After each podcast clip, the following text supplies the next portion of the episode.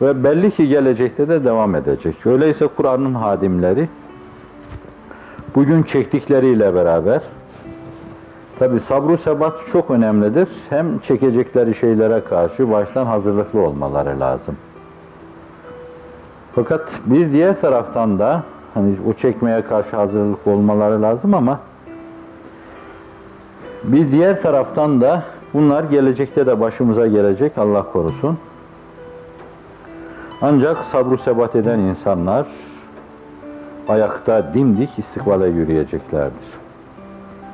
Bugüne kadar olduğu gibi bir kısım kimseler adeta hani natürel seleksiyona uğrayıp da böyle elendikleri gibi günümüzde de elenenler vardır korkuyla telaşla ve yarın da bir kısım elenenler olacaktır.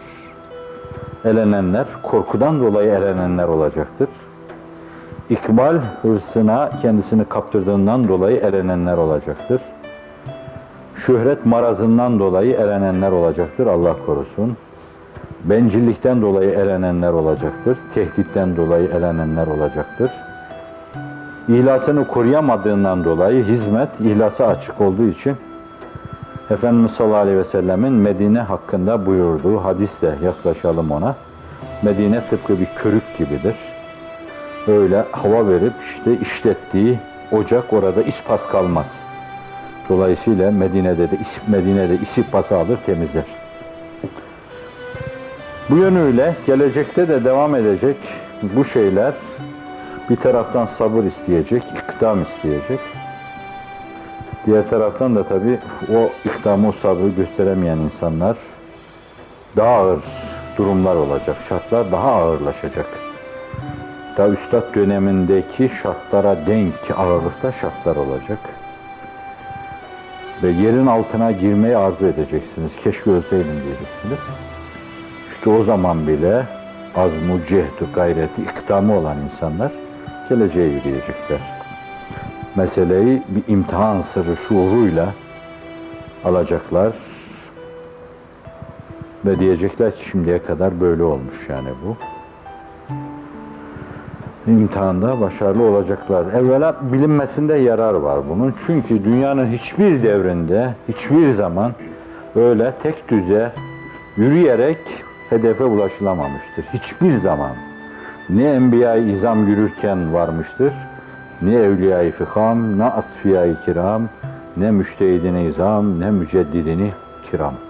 Hiçbiri böyle tek düze yürüyerek, hiçbir şeye takılmadan varmamıştır hiç olmazsa büyük çoğunluğu itibariyle Kur'an-ı Kerim'in dediği gibi defaatla elenmişlerdir. Defaatla imtihana tabi tutulmuşlardır. Çünkü bu iş o mevzuda Allah'a karşı o kadar sadakatini, vefasını ispat etmiş insanların işidir.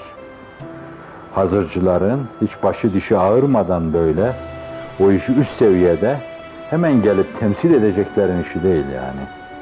50 defa vefa imtihanı vermiş, 50 defa sadakat imtihanı vermiş insanların işidir. Şimdiye kadar öyle olmuştur. Onun için Üstad bu endişesini ifade ederken dilerim Cenab-ı Hak bize pahalıya satmasın der bunu. Ama altıncı söze de bakarsanız mal can verilir onu almak için yani. Hususuyla oradaki sadece ferdi cennete girmedir. Cennete sokma meselesi değildir. Cennete sokma peygamberane azim ve cehd ister. Peygamberlik yolu peygamberan azim ve cehd ister. Evet. Şimdi bunu bilmekte yarar var yani arkadaşlar bunu bilmeliler. Ne oluyor ki dememeliler yani. Nitekim Kur'an-ı Kerim anlatır. Ne oluyor ki demişlerdir. Bunlar ne oluyor böyle demişlerdir. Bu kafirce bir düşüncenin ifadesidir. Kazaya razı olmayan bir zihniyetin ifadesidir. Allah'ın takdirini tenkit eden insanların ifadesidir. Bizde ne oluyor ki yok yani. Bizde sadece olan şeyleri sarsılsak bile, şok altında yaşasak bile sadece belki bir dönemde böyle hayretle, manasını anlayamama içinde onu seyretmek, daha sonra da hayranlık manasını ayrı bir hayretle ki bu da esma dairesinden Cenab-ı Hakk'ı rasat makamıdır veya sıfat dairesinden Cenab-ı Hak rasat makamıdır. Hayranlıkla, hayretle Cenab-ı Hakk'ın icraatını temaşa edip Hatta belli bir ölçüde zevk almak yani.